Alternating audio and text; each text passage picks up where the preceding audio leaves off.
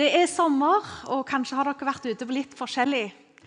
Eh, vi har ei hytte i Kristiansand. Og Der holder vi på for tida med ombyggingen av en terrasse. Det har vært et langt og møysommelig prosjekt, men det går framover. Noen av arbeidskollegene mine som sitter her, fra IMI, de har hørt om den terrassen over lang tid. Forrige helg var vi på vei til hytta. Og underveis så tikka det inn en melding. Og Da hadde vi kommet til Lyngdal på vei til Kristiansand. Og Da kom det en, en melding på Thomas' telefon fra hyttenaboen vår. Veldig hyggelig mann. Veldig grei, veldig omsorgsfull. Og Thomas leste denne meldingen, så ble han litt løyen i ansiktet. Og Da han så opp, så sa han Naboen har sendt et bilde. Han mener det ligger ei mine fra andre verdenskrig rett med terrassen vår. Og nå, Siden jeg vet at det er noen som hører på dette på podkast, skal jeg bare lese hva det står. Hei, Thomas var nede og kikket på terrasseprosjektet ditt. Så denne saken mellom drensrørene. Tror bestemt det er en mine fra andre verdenskrig. Noen proffer bør vel fjerne den.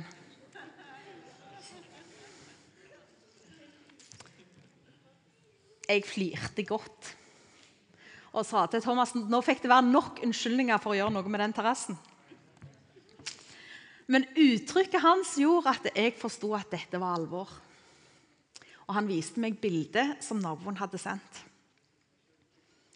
Skal vi ta det neste bildet? Det ser ut som en gammel kulegrill, sa jeg. Thomas var enig, men ingen av oss hadde dumpa noen kulegrill i det området. Ikke i noen andre områder heller, faktisk.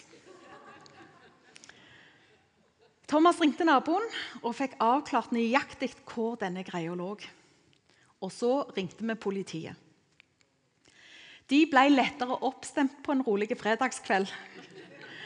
Og vi avtalte å sende dette bildet på e-post med vår adresse og telefonnummer.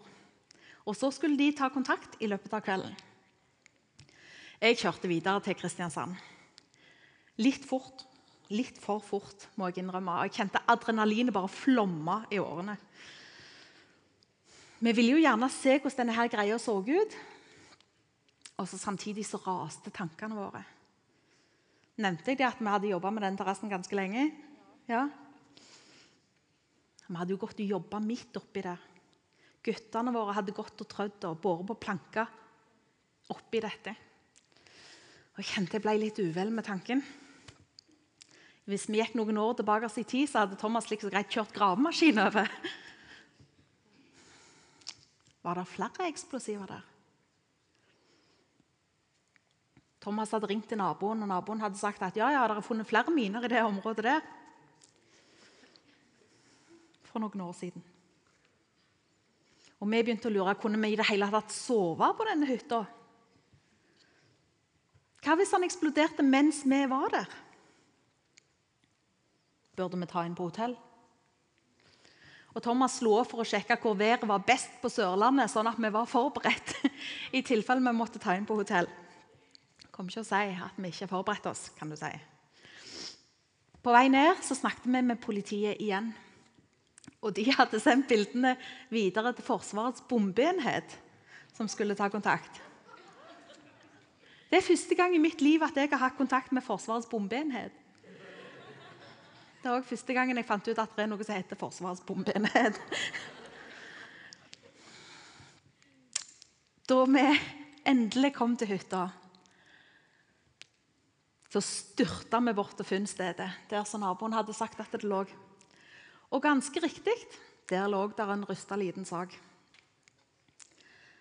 Han var overhodet ikke på størrelse med en kulegrill, sånn som vi hadde sett for oss men mer som en rusta, gammel metalldings på størrelse med en fotball. Der hadde vi gått og traska og jobba i noen år. Og der lå det plutselig en skummel gjenstand. Det vil si, selve dingsen hadde nok ligget der, kanskje i flere tiår allerede. Forskjellen var at nå visste vi om den. Og vi var ikke lenger lykkelig uvitende. Sammenligning med bilder fra Internett ga oss litt ambivalente følelser. Dette her er en, altså en MMS fra naboen med sammenligninger fra Internett.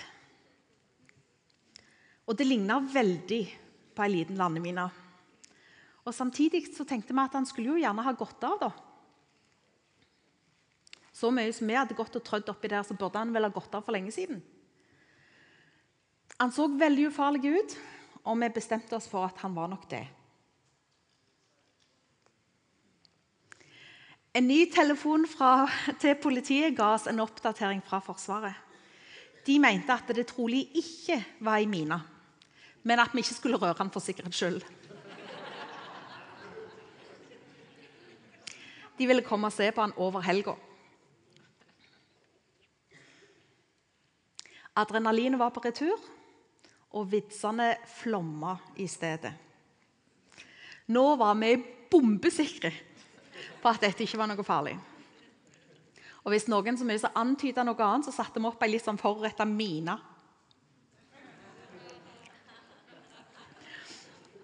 Vi kunne til og med bli litt oppfarende. Altfor mange dårlige vitser ble fyrt av den kvelden. Vi snakker om eksplosivt dårlig humør. Ok, jeg skal gi meg nå. Ingen av oss tenkte lenger på å ta inn på hotell. Vi var bestemt på å overnatte i våre egne senger. ellers tusen takk. Dessuten ville vi beise terrassen dagen etterpå. Og tanken på en forestående trussel var visna vekk. En av mine mer profetiske venner i USA sendte meg akkurat da en, en melding der det sto 'Hva skjer hos deg? Jeg tenker på deg hele tida'. Jeg var helt rolig da jeg svarte. Alt går greit hos oss. Vi har muligens funnet ei landmine, men det er helt greit, altså. Og hun tok av. Ei landmine fra andre verdenskrig. Hvor da? En halvmeter fra terrassen på hytta. Og hun ba over oss tekst, over oss i en tekstmelding og oppfordra oss samtidig til å emigrere i det minste flytte til andre verdensdeler, nei, eller landsdeler. får jeg si. Og Jeg syns det var fint at hun ba, for vi hadde ikke tenkt å flytte oss en halvmeter engang. Jeg forklarte at denne mulige landmina måtte ha ligget der i iallfall 70 år.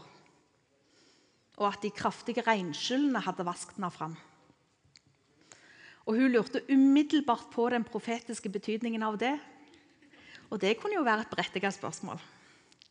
Jeg skal ikke nødvendigvis gå mer inn på det, men heller parkere denne historien foreløpig. Så skal vi gå videre i en litt annen retning. Og Hvis du lurer på hvordan denne historien ender, så skal jeg oppdatere deg om en liten stund. Hold ut. Ok.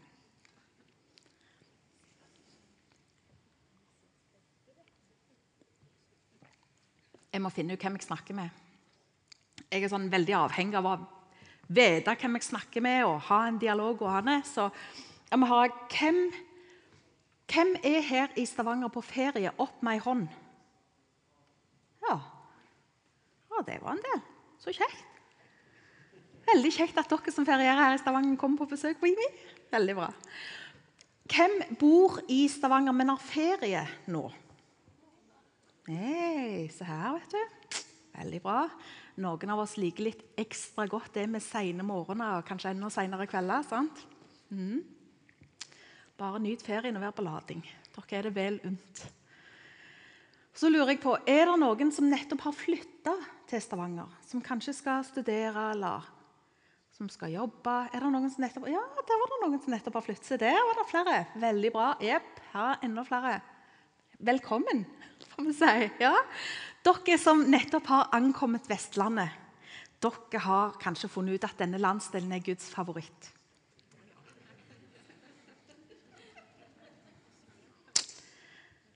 Han er så fornøyd med Vestlandet. Han lar det regne velsignelser over oss hver dag. Hver bidige dag, faktisk, regner det velsignelser og sånn. Denne sommeren har vært kald og våt så langt men heldigvis har vi hatt noen soltimer underveis. Og vi vestlendinger har et litt resignert forhold til regnet. Må jeg bare si. De som, eh, ja, de som har bodd her en stund, de kler seg etter været. for å si det sånn. Og kollega Eivind, som sitter der bak, han pleier å si at han kjenner igjen østlendinger som kommer her til. For det er de som sier 'Oi, ei byge. Vi stiller oss under her til det går over'.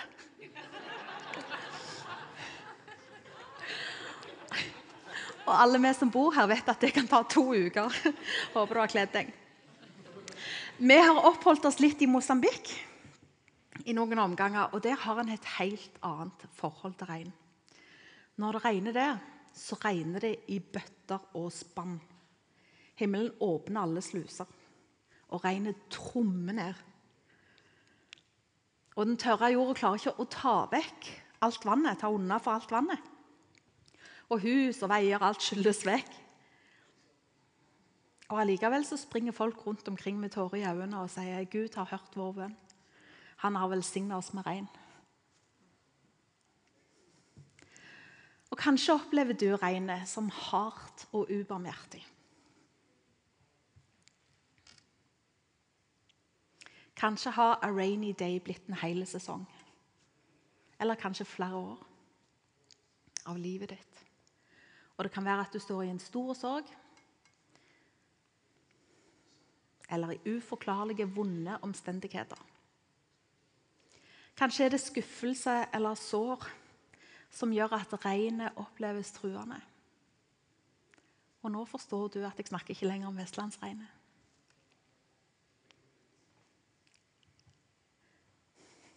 Kanskje er du så sårbare at det føles som bare en eneste dråpe til vil få deg til å drukne. Du er rett, redd og sliten. Og bare tanken på mer regn er ikke til å bære.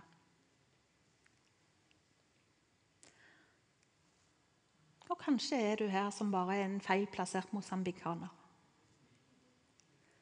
Du er så lei av tørken og du lytter til lyden av regnet som nærmer seg. Er det din tur nå? Livet leves i forventning. Hva vil Gud la regne over deg? Noen står midt i en stor glede. Alt går veien. Ingen er syke, alle har jobb. Livet er barmhjertig og godt ukomplisert. Flat landevei med skyfri himmel og vinden i rett retning. Når regnbygene kommer, så er de bare forfriskende, svalende, gjenopprettende. Vi står i ulike sesonger i livet, og regnet kan oppleves som godt eller vondt. Noen ganger så kjenner vi igjen velsignelsene i regnet som vasker nedover oss. Mens andre ganger så gjør det bare vondt.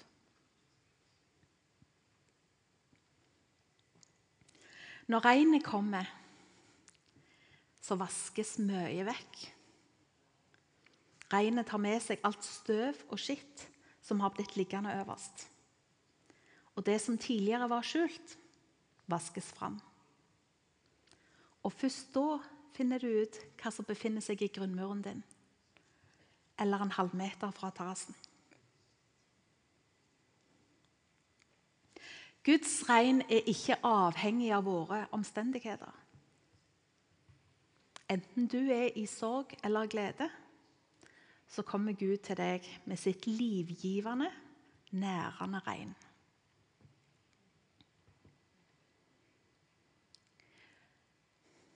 På et eller annet tidspunkt så sneik det seg en, en misforståelse i vår forståelse av Gud og hans karakter. Det virker som om mange mener at Gud ikke er nær oss hvis vi gjennomgår vanskeligheter i livet. Og Jeg har ikke tall på alle de meldingene som jeg får fra folk rundt omkring i verden som har det vondt, og som lurer på om Gud har forlatt dem. Fra folk som er, syke eller i sorg, og som lurer på hva de har gjort galt siden Gud er borte. Jeg får spørsmål om det ble bedt ei spesiell bønn eller en formel over vår sønn som gjorde at han ble helbredet. Vil jeg i så fall være villig til å be nøyaktig de samme ordene over de? Kan de reise til samme sted der vi dro?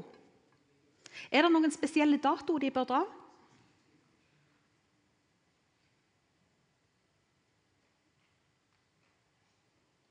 Noen har spurt om jeg ville være villig til å reise sammen med dem. Og de mest pågående har sagt at Gud har fortalt dem at de skal reise sammen med oss på ferie for at de skal bli helbreda. Jeg sier at Hvis Gud sier det samme til meg, så får det være greit. Men det har han ikke sagt ennå. Jeg tror på ingen måte at jeg tar lett på dette eller at jeg harselerer med det. For jeg hører den sorgen og den nøden som ligger i det.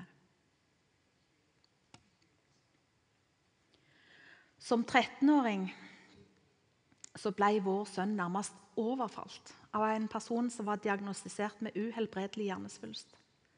Og Hun ville at Adrian skulle be for henne. Han hadde erfaring med folk som tok kontakt, og svarte vennlig at han kunne be mamma og pappa be for henne. Nei, sier hun, det må være deg. Og så tok hun tak i hånda hans og så la hun det på pannen sin. Der, det er der. Og Adrian så skrekkslagen mot oss, og så fikk vi hjulpet han. For den kvinnens helbredelse var ikke avhengig av Adrian. Det er Gud som helbreder. Og han tok ikke skade på sjela si, for dere som lurer på det.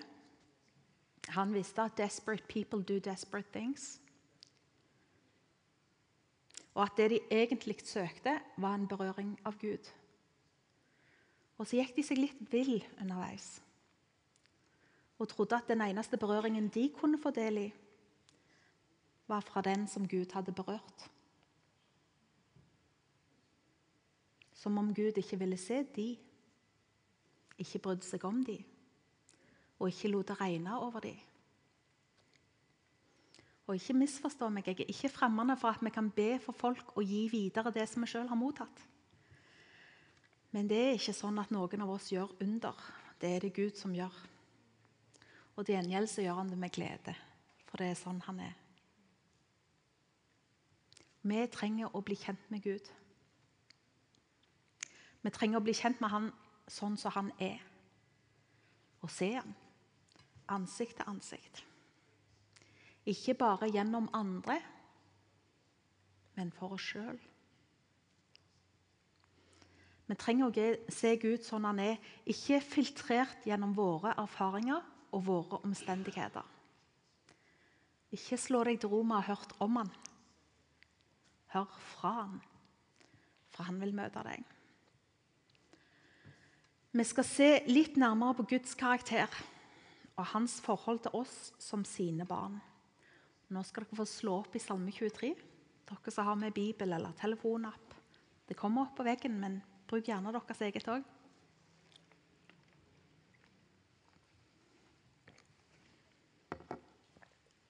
Salme 23. Dette er kjente ord, og like fullt så skal vi slå leir her. Klar? Herren er min hyrde, jeg mangler ikke noe. Han lar meg ligge i grønne enger. Han leder meg til vann der jeg finner hvile. Han gir meg nytt liv. Han fører meg på rettferdighetsstier for sitt navns skyld. Om jeg skulle vandre i dødsskyggens dal, frykter jeg ikke noe vondt. For du er med meg. Din kjepp og din stav, de trøster meg. Du dekker bord for meg, like foran mine fiender. Du salver mitt hode med olje. Mitt beger renner over. Bare godhet og miskunn skal følge meg alle mine dager. Og jeg skal bo i Herrens hus gjennom alle tider. Ok. Da skal vi bo litt i denne teksten. Da skal vi utforske den litt. Ok?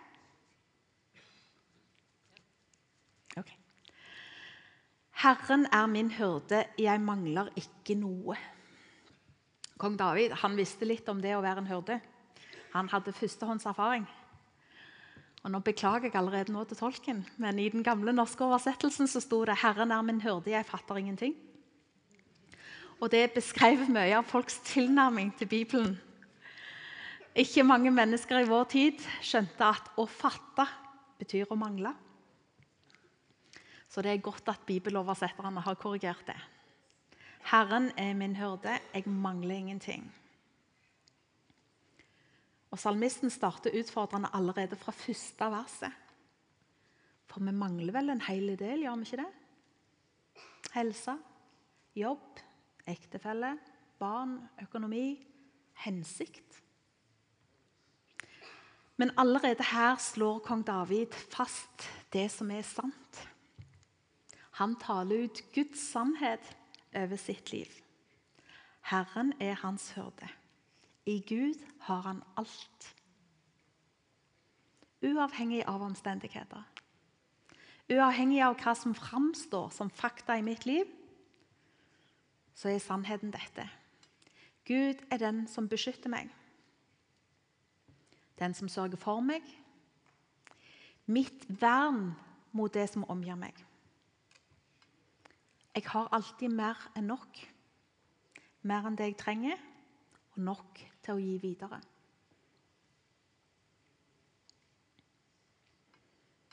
Han lar meg ligge i grønne enger.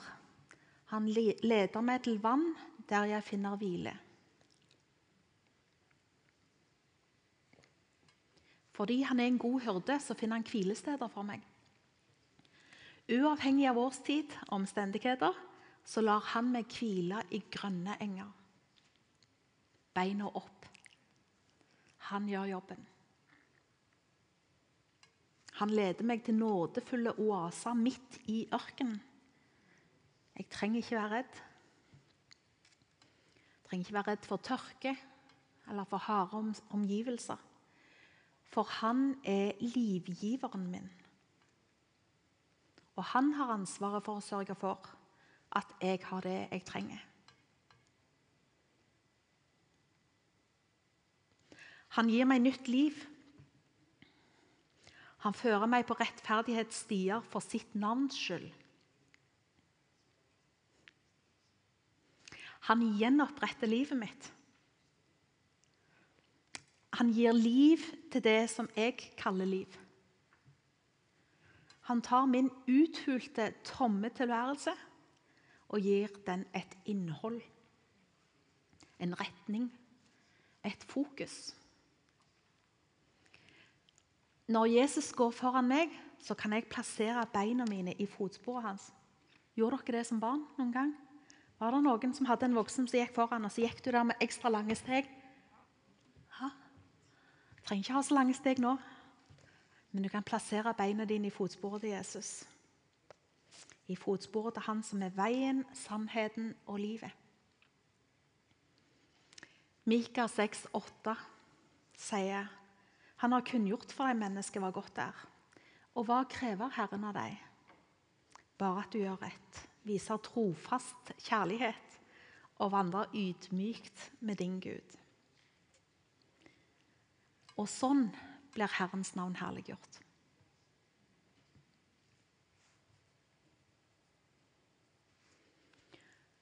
Om jeg enn skulle vandre i dødsskyggens dal, frykter jeg ikke noe vondt for du er med meg.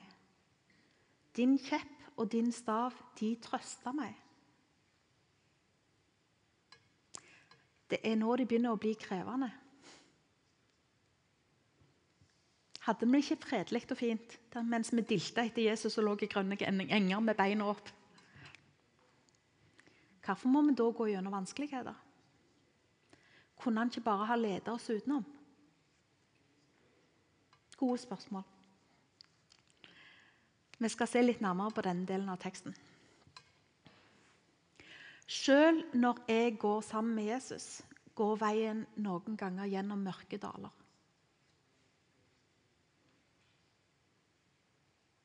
Det må jeg si en gang til, så jeg er sikker på at det går inn. Sjøl når jeg går sammen med Jesus, så går veien noen ganger gjennom mørke daler. Og for deg som er i en mørke dal, og som tenker Gud har forlatt meg, så skal du vite at Jesus går sammen med deg sjøl når du går gjennom det som er vanskelig eller mørkt og tungt. Og sjøl med skygger og vanskeligheter om meg på alle sider, så lar jeg ikke hjertet bli grepet av angst. Du, Jesus, er jo sammen med meg. Du har aldri svikta meg, og du vil ikke forlate meg nå heller. Du har jo sagt i Jesaja 57, 15, I det høye og hellige bor jeg, og hos den som er knust og nedbøyd i ånden. Her bor du, Gud, midt i mitt mørke. Du gir håp og lys. Din fullkomne kjærlighet driver frykten ut, og jeg er aldri alene.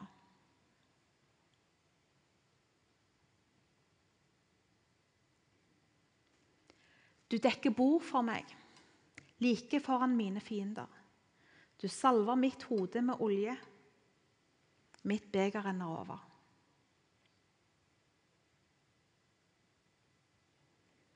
Jeg er fortsatt i denne verden, men ikke av denne verden. Og Selv når fienden rasler med lenkene og truer med å ta meg til fange, så inviterer du meg på fest, Gud. For du vet at kampen er vunnet, og at jeg er med på vinnerlaget. Vi har noe å feire. Omgitt av truende omstendigheter så salver, du meg med olje, med Den hellige ånd. Du fyller meg med din kjærlighet og gjør meg til et velluktende tilbedelsesoffer. Til glede for himmelen og til beste for jorda.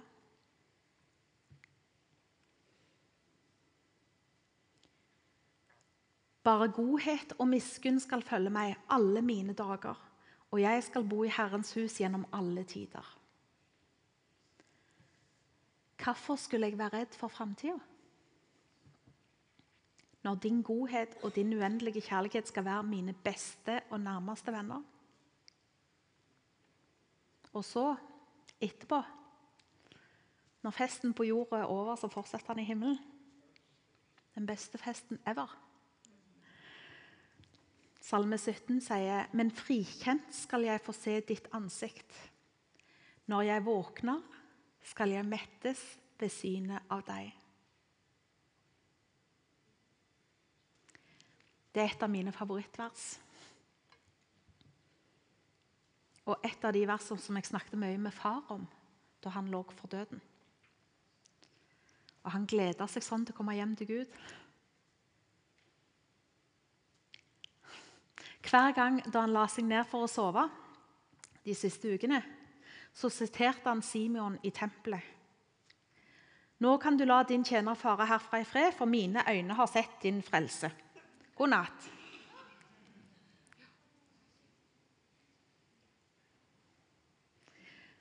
Far var intenst glad i livet. Men den siste uka var han skuffa for hver gang han våkna og oppdaga at han fortsatt var her. Han visste at denne årstida snart var over, og at han snart skulle mettes ved Guds ansikt. Syn av Guds ansikt. Bare godhet og miskunn skal følge meg alle mine dager. Selv i møte med døden så var far omgitt av Guds godhet og trofaste kjærlighet. Godhet og miskunn. Like inn i døden enn beyond.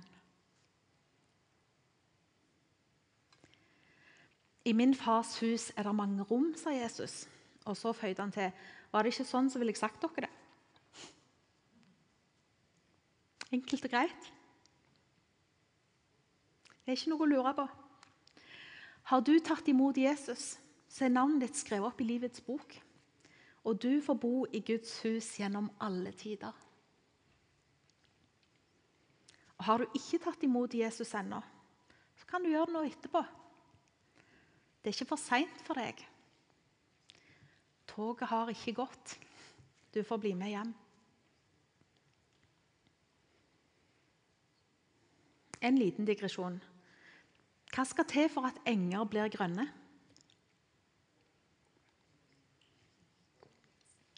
Det var et enstemmig og rungende regn. OK, prøv igjen på en annen. Hva skal til for at vann fylles? Takk! Regn! Veldig bra. Ja.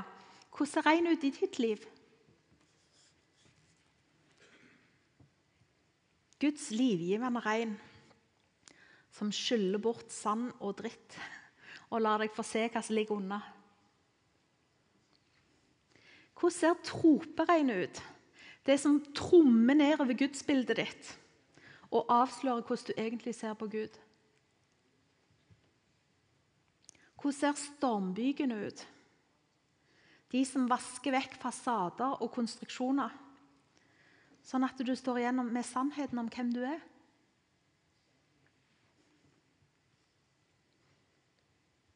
Hva med godværsdagene? som kommer med overraskende regnskyll og minner deg om at det skal god rygg til å bære gode dager. Trommende regn som trenger ned i bakken og vasker fram alt det som lå skjult under fine fronter og trygge rutiner. Er du redd for hva du finner i grunnmuren din? Eller en halvmeter fra terrassen? Du trenger å vite at Gud vil deg aldri vondt.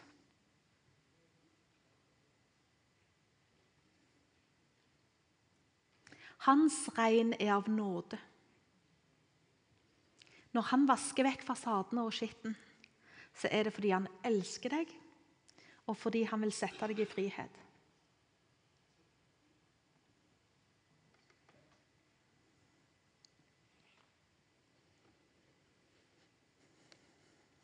Denne dingsbomsen som lå med terrassen vår, den hadde ligget der i mange år uten at vi visste om det. Når regnet skylte vekk det som dekket den, så ble vi engstelige. Og det hjalp ikke at det kom sånne nyheter i mediene. Bombegruppe i Polen fikk melding om mistenkelige funn, sto der i Dagbladet samtidig som vi drev og tullte med terrassen.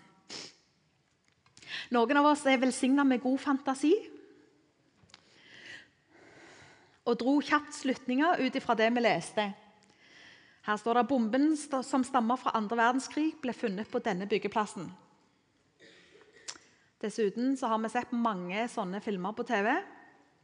Vi vet hva som kommer etterpå og de indre bildene vokste i tanken. Her står det altså på bildet fem, Den 500 kilo tunge bomben førte til evakuering av 10 000 mennesker. Ja Vi begynte å tenke på at ungene våre kunne ha kommet til skade. Jeg så for meg hva som kunne ha skjedd med Thomas hvis hun hadde gått av. Og vi lurte på hvordan i alle dager vi skulle bli kvitt henne. For når vi først visste om denne tingen, så føltes det som vi ikke kunne leve med det én dag til. Den måtte vekk, fortrinnsvis i kontrollerte former. Mens vi venta på Forsvarets bombeenhet, så begynte vi å tenke. Kunne det egentlig være så farlig? Visste vi egentlig om det var noe eksplosivt i det hele tatt? Kunne det være noe helt annet? Noe som hadde ligget der i ei årrekke og rusta seg til et skummelt utseende? Og Vi prøvde å se for oss hvordan kunne det ha sett ut før, når det var blankt og skinnende. Og Thomas lyste opp. Kunne det være en bremseforsterker til en lastebil, f.eks.?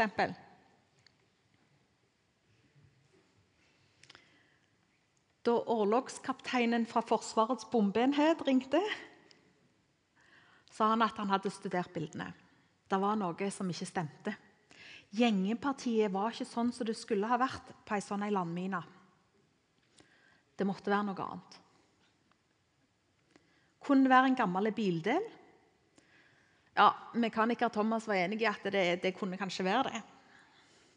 Hva syns orlogskapteinen at vi skulle gjøre med dingsen? Han dro på det. Kanskje dere kan dumpe han en annen plass, sånn at han ikke er i veien? Så enkelt.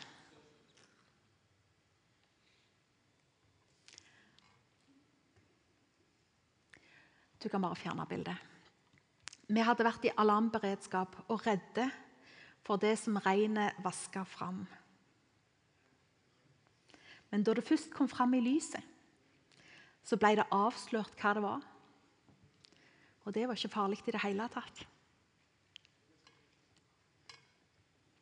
Og du kan stole på at Guds regn i ditt liv ikke er ute etter å ødelegge deg.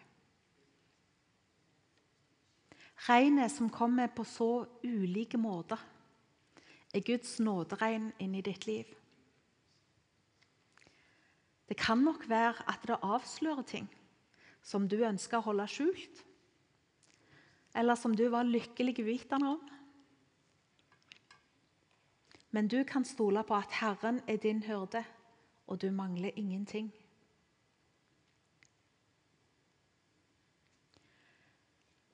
Jeg møter så mange mennesker som strever med å holde gamle bremseforsterkere skjult i bakken. Som er livredde for det som skjuler seg bak fasaden, at det skal eksplodere når det kommer fram. Som lever i angst for at noe av det som de har opplevd, eller som de har gjort, skal bli avslørt av lyset og ødelegge alt. som tenker det er ikke rart at Gud ikke helbreder meg. Jeg vet hva jeg har gjort. Eller hvis noen visste hva jeg har vært med på, så ville de aldri ha snakket til meg. Det sier seg selv at Gud ikke vil snakke til meg heller. Eller de skulle bare visst om alt det der norukkelige som ligger begravd i fortida mi. Jeg kan ikke komme til Gud før jeg har fått ordna opp i det.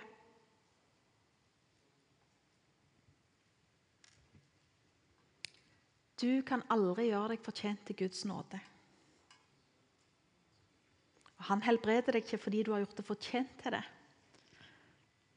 Han kjenner deg ut og inn, og han vil likevel tilbringe tid med deg. Snakke med deg. Bo hos deg. Vær din hyrde. Den som beskytter deg i din sårbarhet. Din forsørger. Din helbreder daglig ledsager, evig Gud, trofast venn. Den som gir deg styrke for dagen og håp for i morgen. Han som har navnet ditt skrevet opp i livets bok. Han som kjenner deg og elsker deg.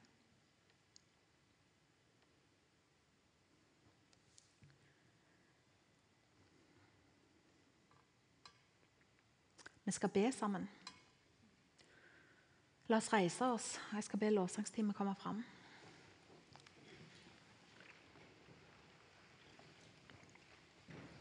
I dag låner vi nok en gang ord av kong David, salme 139. Om en Gud som kjenner oss, vet alt om oss, og som likevel kommer helt, helt nær. Og Hvis du er her som ikke helt vet hvordan du skal be, så kan det godt være et godt alternativ å, bruke, å begynne med salmene. Lån andre sine ord. Når du ikke har ord sjøl, kan du bruke andre sine. Og Så vil du merke at du snart flytter, flyter videre i egne bønner. Salme 139 skal vi få opp på veggen. Så skal du få lese sammen med meg. Da ber vi. Herre, du ransaker meg, og du vet. Du vet om jeg sitter eller står. På lang avstand kjenner du mine tanker. Om jeg går eller ligger, ser du det. Du kjenner alle mine veier. Før jeg har et ord på tungen, Herre, kjenner du det fullt ut. Bakfra og forfra omgir du meg. Du har lagt din hånd på meg. Det er et under jeg ikke forstår. Det er så høyt at jeg ikke kan fatte det.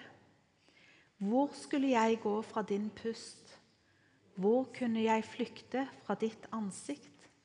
Stiger jeg opp til himmelen, er du der. Legger jeg meg i dødsriket, er du der. Tar jeg soloppgangens vinger og slår meg ned der havet ender, da fører din hånd meg også der. Din høyre hånd holder meg fast.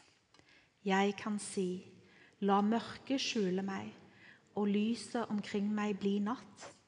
Men mørket er ikke mørkt for deg. Mørket er lys om dagen. Mørket er som lyset. For du har skapt mine nyrer. Du har vevd meg i mors liv. Jeg takker deg for at jeg er så underfullt laget. Underfulle av dine verk. Det vet jeg godt. Knoklene mine var ikke skjult for deg da jeg ble laget på hemmelig vis og vevd dypt i jorden. Dine øyne så meg da jeg var et foster. Alle dager er skrevet opp i din bok. De fikk form før en av dem var kommet. Dine tanker, Gud, er ufattelige for meg. Summen av dem er ufattelig. Teller jeg dem, er de talløse som sand. Blir jeg ferdig, er jeg ennå hos deg. Vi ber videre. For du kjenner oss, og du vil være hos oss. Og her og nå så vil vi si deg at vi blir hos deg. Vi vet at alt er underlagt deg. Det som er skjult for oss, det ligger også åpent for deg. Det som vi ikke har innsyn i, det regjerer du over. Alle våre dager ligger i din hånd. Og vi legger våre liv ned for deg, Jesus. Og vi sier, ta det, bruk det. Gi livet vårt en retning. Skyll vekk skitt og grabb som binder oss. Sett oss i frihet. Far, bryt angst. Helbred konflikter. Kom med tilgivelse. Øk vår tro. Styrk oss. La oss få se det klart, ansikt til ansikt.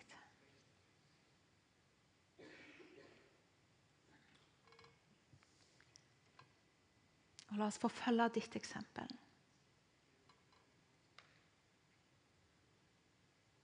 La folk få bli kjent med deg gjennom oss.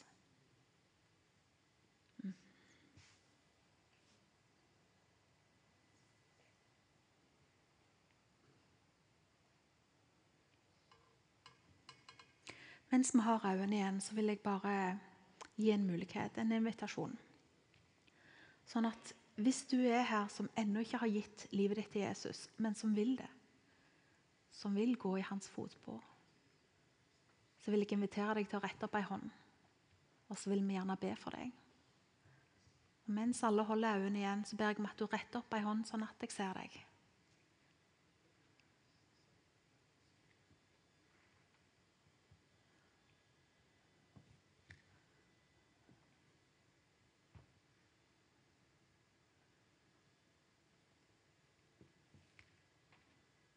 Neste invitasjon går ut til deg som har levd og vært redd for at det skulle komme til syne, det som lå skjult hos deg. Og Gud kommer med regn som vil sette deg i frihet. Og du skal slippe å leve et liv i frykt og i angst. Du skal slippe å være redd for lyset.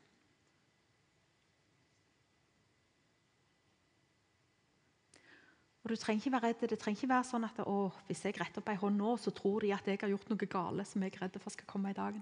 Det er ikke der. Det er ikke der. Alle har vi ting som vi syns er vanskelige. Som er vanskelige å leve med, og som vi tenker ah, Jeg må få fikst dette, jeg må få ordna livet mitt. Eller det kan jeg ikke gjøre noe med, men det sitter der som en, en sånn vanskelig ting å forholde seg til.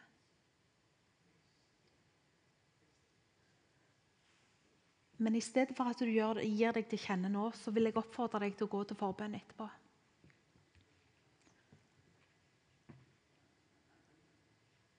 Og så kommer du bare og sier du, 'Jeg vil ha regn'. Jeg vil ha regn.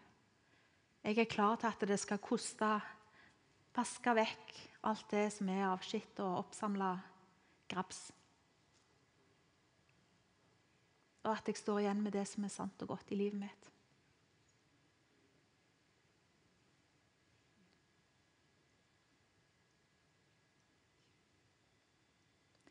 Bare stå her, og etter hvert når så Solveig leder oss inn i lovsang, så oppfordrer jeg deg til bare å ta imot det som Gud kommer med. Far, kom og sett lys på. Sett lys på. Kom og møt oss ansikt til ansikt.